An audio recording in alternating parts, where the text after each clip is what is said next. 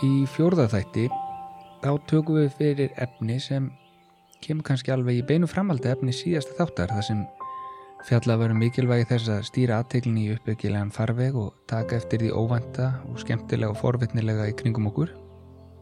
En efni þáttarins í dag snýr að snýr nefnilega að mikilvægi þess að vera forvitin og halda áfram að fylgjast með hlutunum kringu sig, halda áfram að læra, læra nýja hluti og afla sér nýrar þekkingar og færni út lífið. Það er nefnilega ekki bara mikilvægt að æfa vöðvana, heldur er líka mikilvægt að æfa heilan. Reyna á minnið, búa til nýjar tengingar, skapa nýjar tögabrautir í heilanum og augra vitsmunum okkar og því að það styrkir okkur, styrkir okkur og styrkir okkur því hvernig við nálgumst lífið, verkefnin okkar, áskorunar og tækifærin.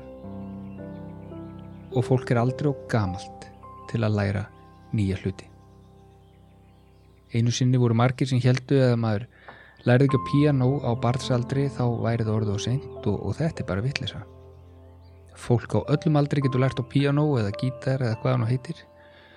Fullur af fólk sem hefur gaman að syngja fyrir söngnám, það eru 70-80 ára gamlir kallar að efa fókbalta og fimmleika og svo mætti lengi telja.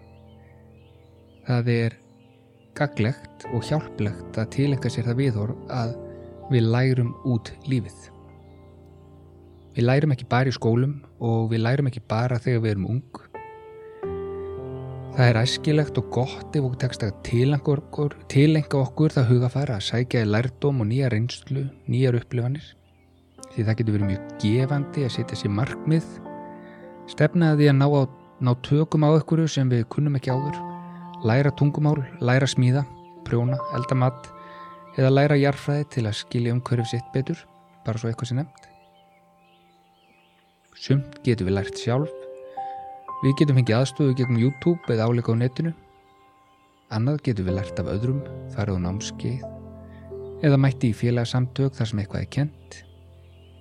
Í spilabúðum er fólk á spilakvöldum að læra um ný spil. Það er hægt að læra nýta veiðuflugur hjá veiðuklúpum Það eru jókanámski út um allt.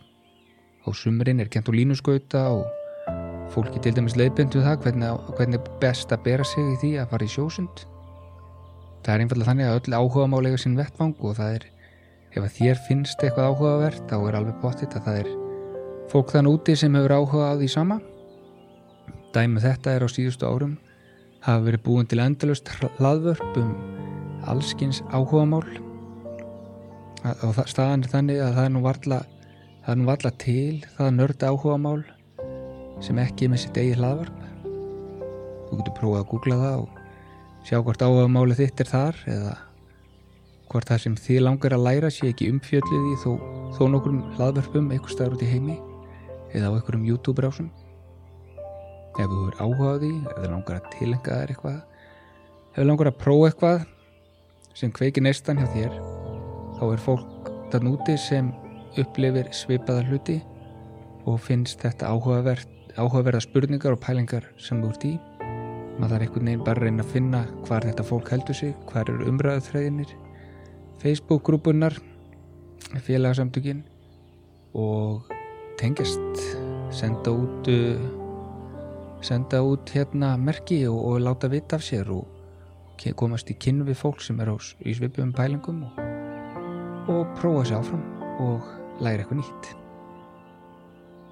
Með því að halda okkur gangandi í nýjum verkefnum þá eru við að stunda líkansagt fyrir heilan, fyrir heilan okkar.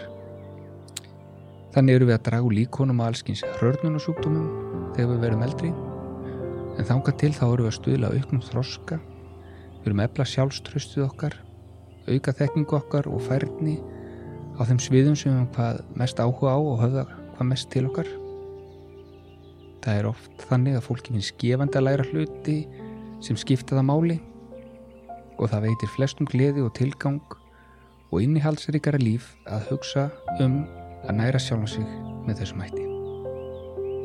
Gangi þér vel.